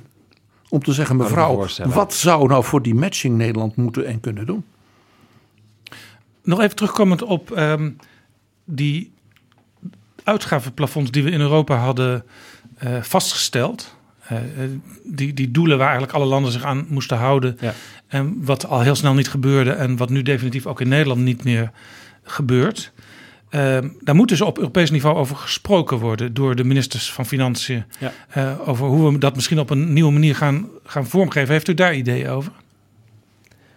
Eh, heb ik daar ideeën over? Ehm, nou, ik denk inderdaad dat, eh, dat, er, dat er een schuldplafond zal moeten afgesproken worden met elkaar. Dat eh, je ontkomt er niet aan om dat wat hoger te leggen dan de 60% BBP die we nu hebben, omdat Ja. de schuldniveaus zo hoog zijn geworden. Ja, sommige landen zitten op 100, realistisch. 120. Ja, Maar is Mario niet Draghi- realistisch om terug te gaan. Mario Draghi 60%. kwam met de volgende gedachte. En als Mario Draghi met de gedachte komt, dan zowel Ja. de gedachte is altijd interessant als het moment waarop hij ermee komt. Ja. En hij kwam er dus onlangs mee, dat is helemaal geen toeval. Die zei, kijk, als je nou bijvoorbeeld die R&D-investeringen voor de lange termijn... Ja. Als je die nou eens gewoon uit het schuldenplafond tilt. Dat Ja, zegt, zeker. ja, maar als wij dus de Europese ruimtevaart en ook de Ja. cyberwar en eh, de innovaties in de zorg en wat we allemaal op, de, op al die vele terreinen doen. Als je dat nou eens even uit die schulden tilt. Dat je van ja, dat zijn geen schulden. Dat zijn hopelijk op lange termijn eh, dingen die ja, het leven en de economie eh, helpen verbeteren. Ja, dat, dat zie je ook. Hè? Dus je ziet inderdaad wel een soort beweging, in ieder geval in Europa, dat er wordt gezegd, je zou eigenlijk eh, bepaalde investeringen die we belangrijk vinden voor de, de klimaattransitie, eh, bijvoorbeeld, zou je eigenlijk buiten de reguliere begrotingskaders moeten zetten. En misschien zo buiten schuldrekening. Hè? Dus dat, en dat is op zichzelf sluit het ook aan bij opvattingen als de, als de gulden financieringsregel, dat je gewoon mag lenen voor investeringen die rendement opleveren. In Europa gaat nu het idee om eh, de Golden Green Rule in te voeren. Hè? Dus dat zou dan betekenen de, de gouden investeringsregel, maar dan voor groene eh, eh, uitgaven of investeringen, dat je die er buiten kan zetten. Ja, dat zijn natuurlijk wel, wel redeneringen die je, die je nu ziet. Ja, als ik me goed herinner, Ko- Koen Teulings, de oud-directeur van het Centraal Planbureau, die was ooit een betrouwbare bronnen te gast, helemaal in het begin ook. Eh, en die, die volgens mij ook langs deze lijn. Ja, en op zichzelf zie je dus eh, dat probeerde ik net eh, aan te geven, dat, dat in het akkoord dus ook wat gebeurt. Hè? Als dus nu wordt gezegd, we gaan op een structureel tekort van 1,75% BBP varen, dat is groter. Nederland heeft zich nu in Europa gecommitteerd aan een maximaal structureel tekort van een half. Dus dat betekent dat er nu wordt gezegd, we willen eigenlijk 1, het is het dan 1,25 procentpunt BBP-ruimte meer hebben structureel om geld uit te geven. Dus dat is dus 10, 12 miljard. Zoiets, Ik hè? zat net te denken, dat is 11. Structureel. Dat is 11. Ja. Ja. Dat, dat, dat is, wordt nu gezegd. Dat eigenlijk ge- zeg je van ik geef me nu zelf, mezelf nu meer ruimte om, om structureel meer te, te investeren. Dan moet het dus volgens wel naar investeringen gaan. Hè? Dus dat is dan de vervolgvraag. Maar dat, dat, de regering maakt dus al, eh, al zo'n stap. En Maar dan wordt dus die vraag die we net hadden, van de governance van bijvoorbeeld die Ja. fondsen. En dus die investeringsactiviteiten die dan een kabinet met collectieve middelen doet, des te belangrijker. Dat dus een Kamer en ook onafhankelijke experts en zelfs Europa Ja. mee kan controleren, beslissen van ja, maar dan zijn dit ook echt investeringen. Ja. En niet, ik zal maar zeggen, eh, eh, eh, nou ja, potverteren. Ja, en dat is natuurlijk dan de discussie, hè? Want wie gaat dan bepaald wat in, bepalen wat investeringen zijn? Eh, ik denk dat het terecht de vraag is, want dan kan je voorstellen dat iedereen met een leuk plan die denkt: dit is een investering. Dus je moet daar een Ik zeg een, tweede en een derde operahuis in Nederland is een investering. ja, precies. Terwijl dus- een ander zegt een schilderij van Rembrandt kopen, dat vind ik potverteren. Ja, en tegelijkertijd zie je dus dat eh, het idee om dus vanuit Europa om dus investeringsruimte te bewaken en ook van tevoren ruimte in te bouwen in je begroting op de lange termijn, is ook iets wat eh, in Europa aan kracht heeft gewonnen, omdat we zagen dat in de bezuinigingen na de vorige crisis eh, in eigenlijk in alle eurolanden in- juist investeringen eh, werden afgeknepen, werden verminderd. Ja. Dus dat in eigenlijk alle landen is, is minder geïnvesteerd, wat dus voor de lange termijn productiecapaciteit van je economie Dat, dat, dat was in is. Nederland ook altijd een klacht Ja. van eh, politieke partijen die bijvoorbeeld veel aan Ja. R&D willen, Ja. willen geven. Dat dat eigenlijk niet uitgerekend kon worden door het Centraal Planbureau. En dat het dus als eerste vaak sneuvelde als er toch weer wat, wat moest bezuinigd worden. Ja, maar dit zie je, dit zie je dus gewoon in, als je naar Europese onderzoeken kijkt. Ook de European Fiscal Board, dus de, de, de Europese begrotingsadviesraad, zeg maar, of autoriteit, die, die ziet dit ook terug, eh, dat dat in Europa gebeurd is. Eh, en dat is natuurlijk slecht voor de, voor de lange termijn productiecapaciteit van, van Europa, van van de landen, gewoon wat je als blok wil kunnen produceren. En daarnaast natuurlijk ook van ja, als we in de toekomst weer een crisis hebben en we gaan met z'n allen weer bezuinigen, dan wil je niet dat die investeringen geraakt worden. Dus je ziet dus inderdaad een trend van hoe kunnen we investeringen beschermen.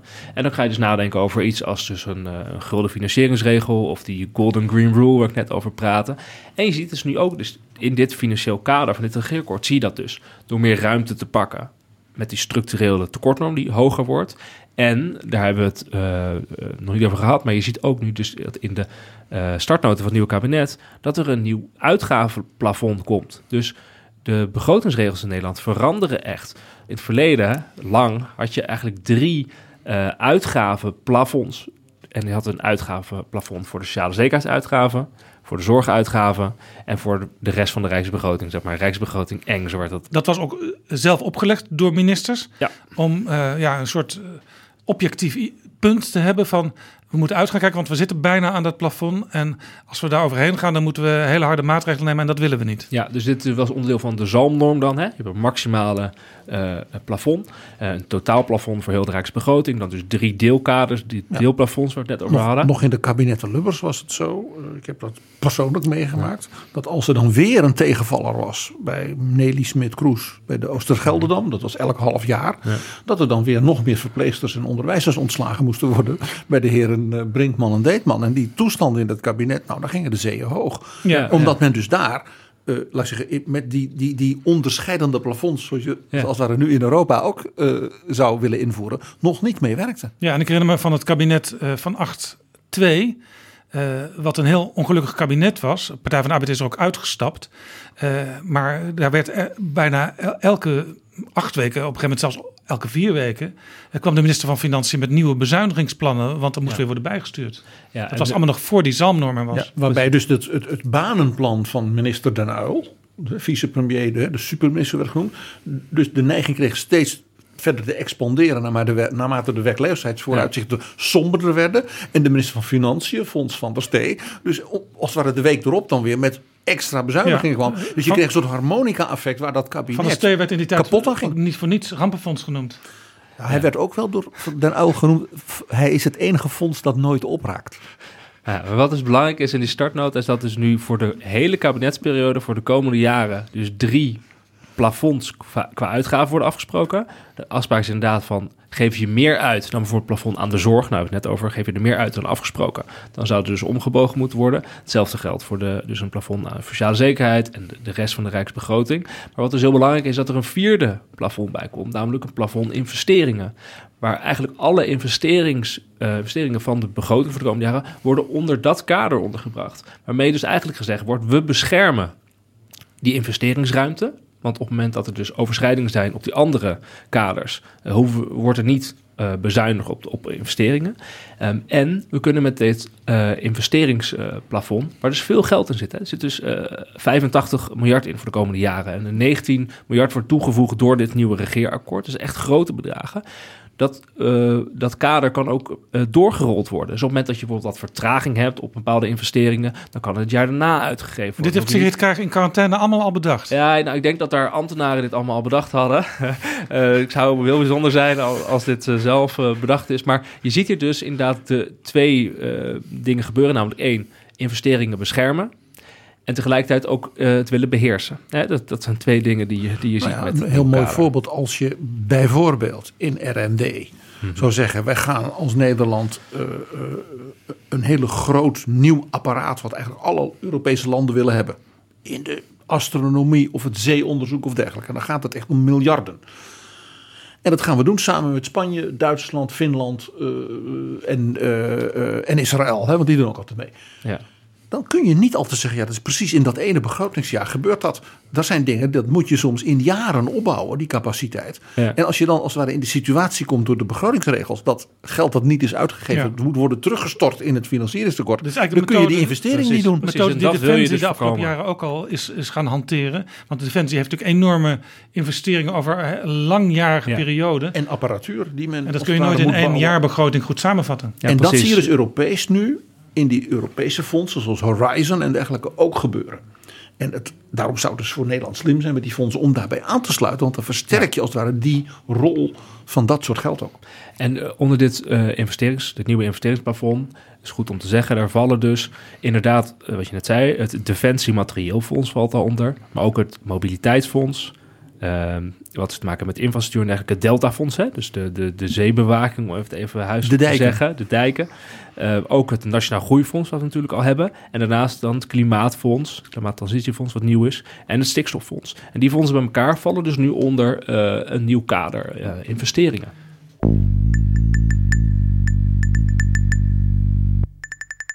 We gaan richting afronding van dit gesprek. Maar PG, de laatste jaren is steeds meer aan de orde geweest in allerlei discussies.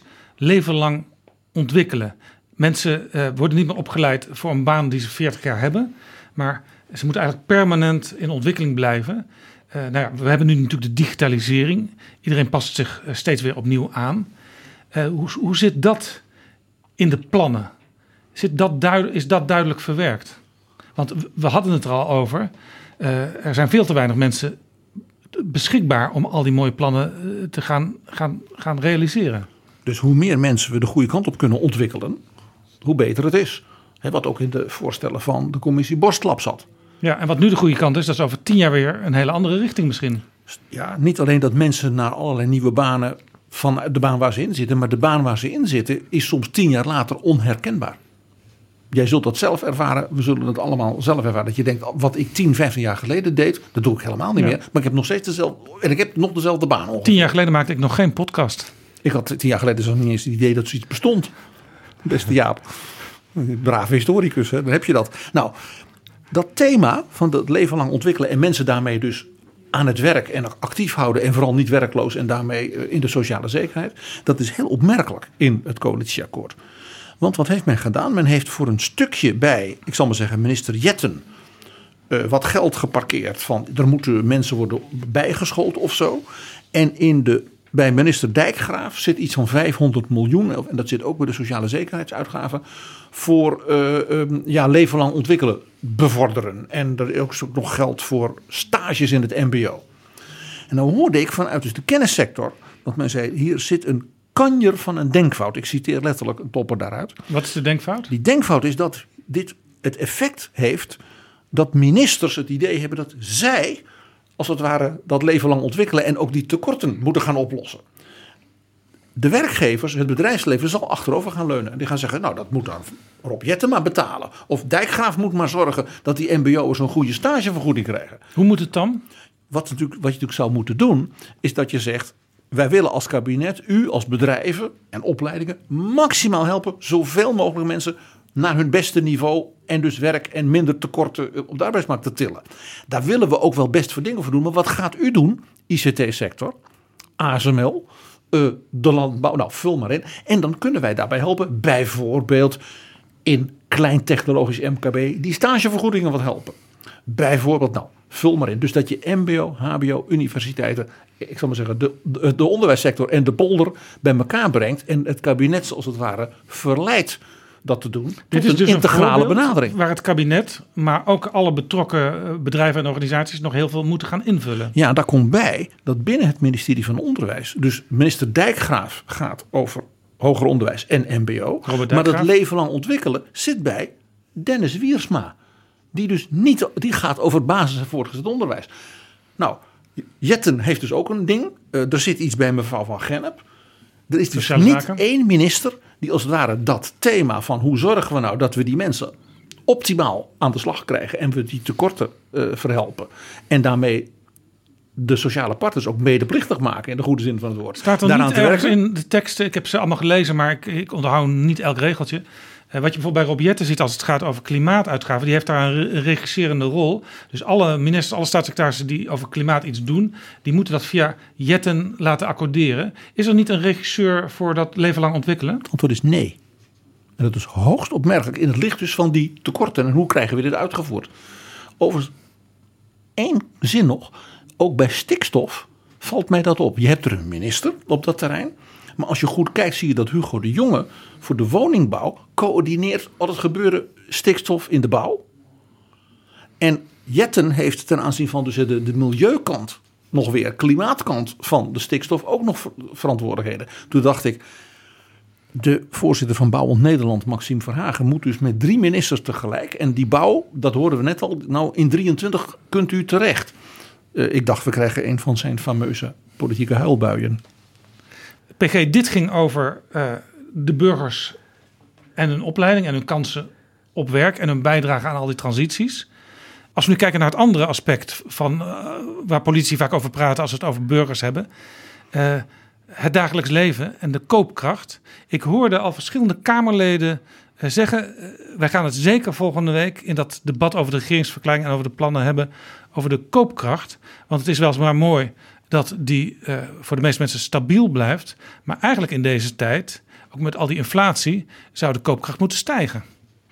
Ja, de, klopt. Wat hier aan de hand is, dat natuurlijk de, het kabinet is natuurlijk ingehaald door een heel hoge inflatie, die eerder niet verwacht werd uh, door onder andere de stijgende energieprijzen. En een hele hoge inflatie um, leidt tot verminderde koopkracht. En daarom zien de koopkrachtplaatjes van het kabinet er denk ik niet zo uit als mensen van tevoren had voorgesteld. Zou je kunnen dus, verwachten dan dat als die inflatie uh, na een tijdje afneemt, dat bijvoorbeeld in uh, de volgende begroting de koopkracht wel flink zal stijgen? Als de inflatie afneemt, daalt, dan, dan uh, gaat de koopkracht vooruit. Jazeker, want dan wordt het... Uh, dus ook een beetje een natuurverschijnsel wat we nu waarnemen. Ja, nou ja natuurverschijnsel. Uh, je, je, kan natuurlijk wel wat aan doen. Je kan bijvoorbeeld op een of andere manier zorgen dat de lonen omhoog gaan. Dat helpt altijd. Minimumloon gaat omhoog? Dat gebeurt ook. Hè. Je ziet aan de onderkant van het loongebouw, zie je omdat het minimumloon omhoog gaat, dat daar de koopkracht forser stijgt. Je kunt, kan je kunt Poetin wat meer knuffelen. Je zijn partijen die daarvoor zorgen zijn. dat de inflatie of de onderliggende drivers van de inflatie, zoals de energieprijs, dat die omlaag gaan. Dat zou kunnen. Um, en vervolgens wat je natuurlijk zou kunnen doen, met belasting en toeslagen wat doen. En, um, uh, dat ja, het idee is zelfs dat de toeslagen helemaal zou moeten worden afgeschaft. Ja, um, nou, er wordt nu gezegd van oké, okay, de toeslagen, de kinderopvangtoeslag vooral, die gaat rechtstreeks uitgekeerd worden aan uh, de kinderopvangcentra en worden niet meer via de burger doorgelinkt naar de uh, opvangcentra om dus uh, nou ja, een drama als het toeslagenaffaire niet meer te hebben. Ehm, maar op zichzelf doet dat niet zo heel veel met, met de koopkracht als je er gewoon verlegt hoe het naar uh, hoe, hè, hoe, je, hoe het geld ja, bij de Het wordt alleen logischer en controleerbaarder gemaakt. Ja, precies. Het wordt alleen, Dat hoop je dan. Ja, het wordt in ieder geval voor de. De hoop is dat, dat de burger er minder last van heeft. Maar qua koopkracht doet dat niet zoveel.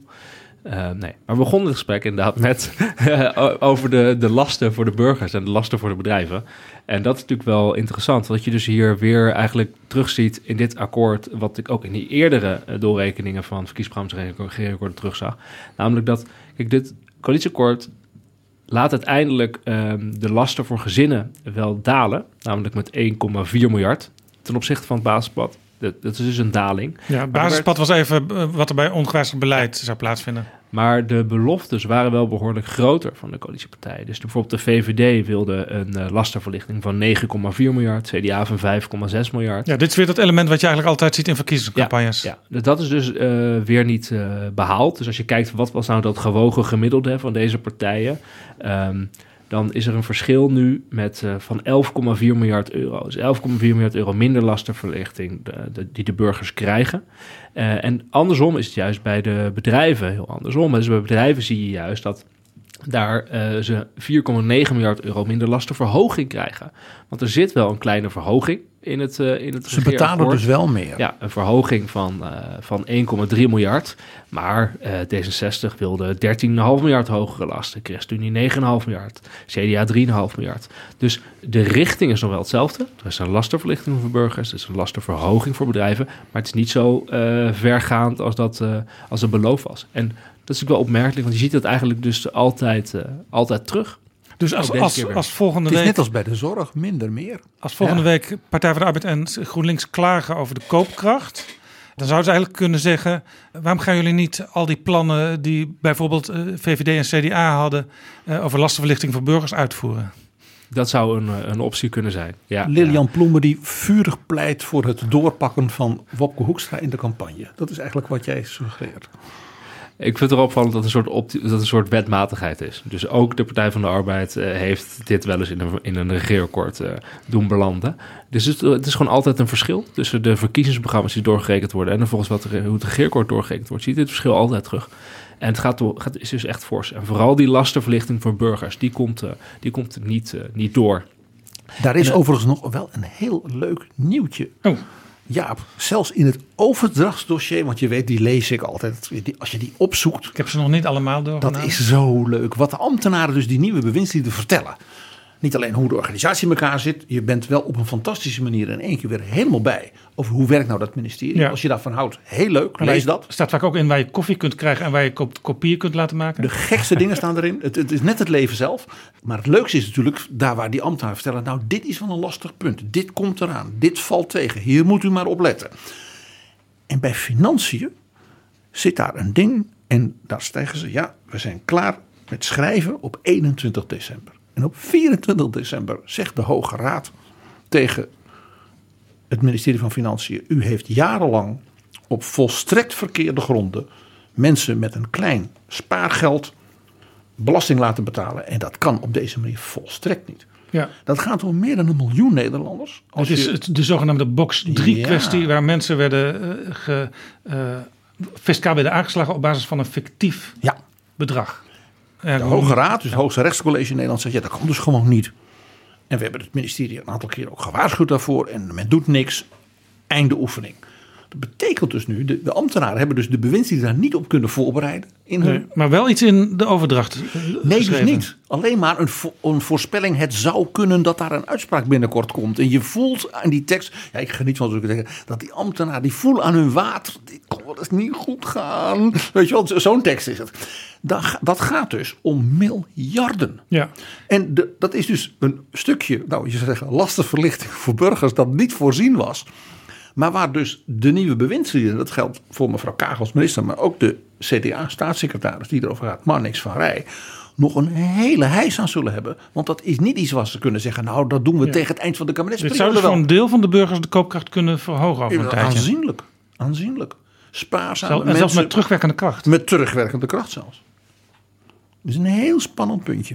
Ja, uh, de kans is natuurlijk uh, heel groot dat de heer uh, Magnus van Rij... dat hij inderdaad met een voorstel gaat komen... om de box 3 uh, vermogensrendementsheffing te hervormen. En dan niet zozeer nog voor dit jaar, maar, want dat kan niet meer... maar wel voor de komende, voor het jaar 2023 is dan. Dus richting de volgende, volgende begroting. Want, ja, want, het, want het, het, het, coalitieakkoord heeft zoiets van... ja, we gaan daar iets aan doen. En dan komt er, valt geloof ik het jaar 2025. En dan denk ik, oh, dat is toevallig het laatste jaar.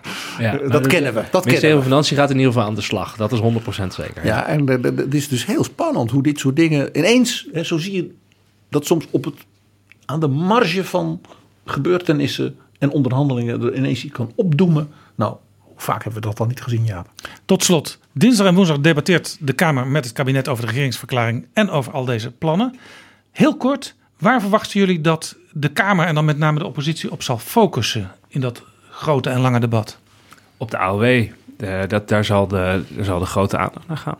Dus de, inderdaad dat de, de AOW uh, niet uh, meestijgt uh, met de verhoging van minimumloon, terwijl dat met de bijstand wel gebeurt. Dat zal het grote, een groot onderdeel worden. In het eerste debat, toen nog over het coalitieakkoord, maakte de oppositie een heel groot punt van de ombuigingen op de zorg. Zal dat nu minder zijn, omdat het toch een beetje gerelativeerd is door het Centraal Planbureau?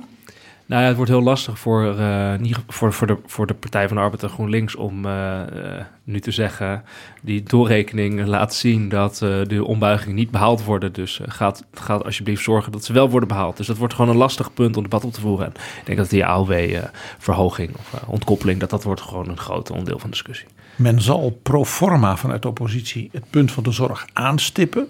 Dat is echt al in hun gezicht ontploft, dat onderwerp, uh, sinds dat vorige debat. En eigenlijk al in dat debat, als je goed luisterde. Uh, ja, het kabinet zal denk ik de Kamer misschien zelfs wel een beetje confronteren met... ja, wat wilt u nu? Wilt u nu de bijstand soveren of wilt u de AOW soveren? En dan helemaal tot slot, wat mag de Kamer zeker niet vergeten om aan de orde te stellen? Ik uh, vind dus de arbeidsmarkt als je zulke plannen hebt, met zulke investeringen die volgens mij in ieder geval op doelen gericht zijn, zoals inderdaad de energietransitie, wat gewoon heel belangrijk is, of, of de woningbouw, uh, dan is gewoon de grote vraag, hoe ga je dit uitvoeren? Dus er moet nagedacht worden over een arbeidsmarktprogramma. En het lastige is dat dat door meerdere ministers gezamenlijk uh, gedaan moet worden. Dus de vraag is ook nog, uh, wie gaat dat coördineren? maar daar zal, er zal heel veel aandacht naartoe moeten. Ik ben het volstrekt met Wima Wolhuis eens. Ten zeker zal men moeten zeggen de plaats van Nederland in Europa en de wereld. Dus niet te, voortdurend weer naar binnen kijken. En natuurlijk uh, heel wezenlijk. Als u als kabinet serieus die hoofdlijnen gaat uitwerken richting mei. En we gaan dus die nieuwe bestuurscultuur doen. Kabinet, u kunt ook op ons als Kamer rekenen. Dat wij dan ons leven op dat punt ook eens gaan beteren. Dankjewel, PG. En helemaal Wiemar Polhuis. Graag gedaan.